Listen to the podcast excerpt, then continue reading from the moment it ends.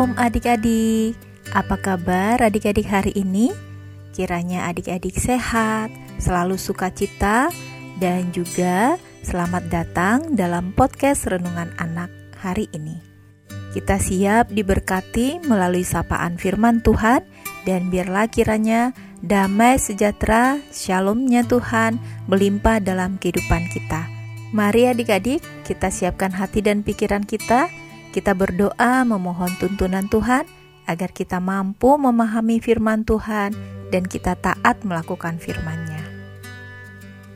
Bapa yang baik, dengan penuh ungkapan rasa syukur, kami datang ke hadirat-Mu. Kami memuji dan memuliakan Engkau melalui kehidupan kami. Dan saat ini, kami mau membaca dan mendengarkan firman Tuhan. Kuasai kami Tuhan, agar firman-Mu terus melekat dalam kehidupan kami, menjadi kekuatan dan juga memperbaiki kehidupan kami yang lama dan kami menjadi anak Tuhan yang mau melakukan firman-Mu. Kami juga menjadi anak Tuhan yang mau dibentuk seturut kehendak-Mu. Berbicaralah Tuhan, kami siap mendengar. Dalam nama Tuhan Yesus kami berdoa. Amin. Adik-adik, Pembacaan Alkitab diambil dari Perjanjian Baru yaitu Kisah Para Rasul 9 ayat 10 sampai 19. Sekali lagi ya adik-adik, adik-adik juga buka Alkitabnya dan kita akan baca bersama-sama. Perjanjian Baru Kisah Para Rasul 9 ayat 10 sampai 19. Inilah firman Tuhan. Di Damsik ada seorang murid Tuhan bernama Ananias firman Tuhan kepadanya dalam satu penglihatan. Ananias, jawabnya, "Ini aku, Tuhan." Firman Tuhan, "Mari, pergilah ke jalan yang bernama Jalan Lurus dan carilah di rumah Yudas seorang dari Tarsus yang bernama Saulus.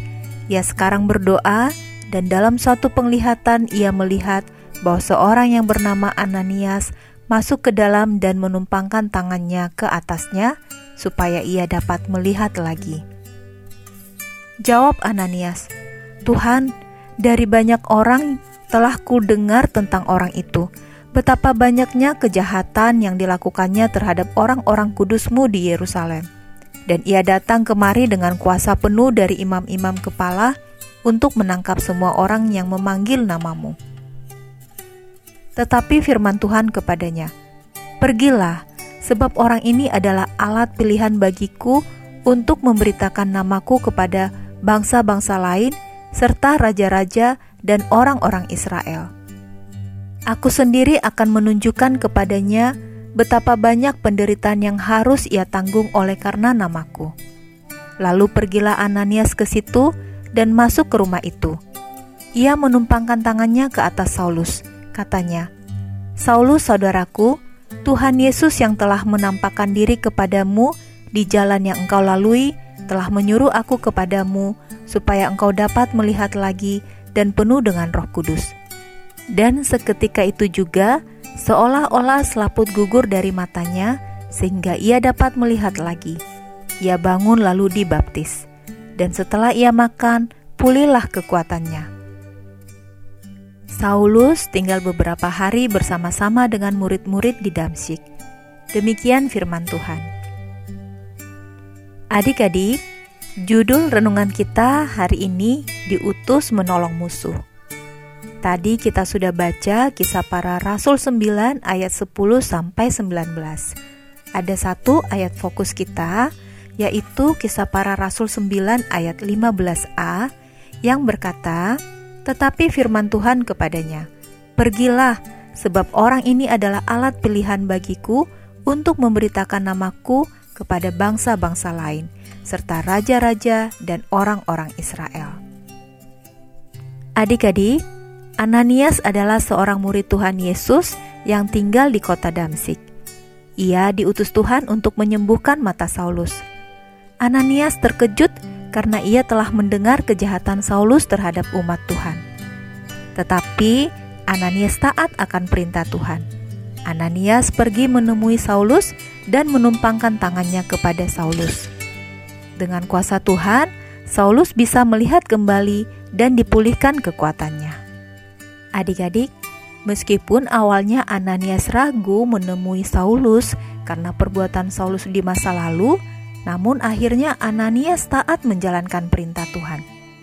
Tuhan mengutus Ananias untuk menolong orang yang tadinya mereka takuti karena Saulus sering menganiaya pengikut Kristus. Tuhan sudah memilih Saulus untuk memberitakan firman Tuhan kepada banyak orang. Saulus selalu bersemangat memberitakan firman Tuhan dan akhirnya Saulus lebih dikenal dengan nama Romawinya yaitu Paulus.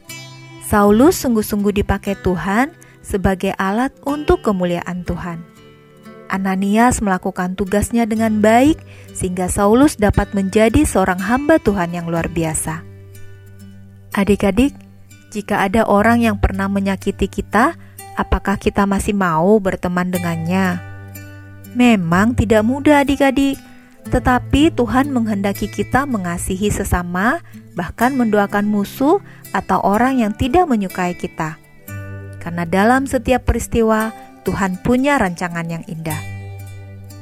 Apakah adik-adik siap dipakai Tuhan mengasihi dan mendoakan orang yang bersalah kepada kita? Yuk adik-adik, kita bertekad menjadi utusan Tuhan dengan sungguh-sungguh kita katakan, Aku siap menjadi utusan Tuhan kepada musuhku sekalipun. Sekali lagi ya adik-adik, aku siap menjadi utusan Tuhan kepada musuhku sekalipun. Mari kita tutup renungan kita dengan berdoa. Bapa di surga, ajar kami untuk tidak memilih-milih orang yang Tuhan kehendaki menerima kebaikan Tuhan melalui kami. Mampukan kami menjadi utusan Tuhan, menyatakan kasih-Mu di mana pun kami berada, bahkan bagi orang yang belum mengenal Tuhan, kami terus Tuhan pakai menjadi berkat. Terima kasih Tuhan, dalam nama Tuhan Yesus, amin. Terus menjadi berkat dan menjadi utusan Tuhan di mana pun adik-adik berada. Tuhan Yesus memberkati. Bye bye.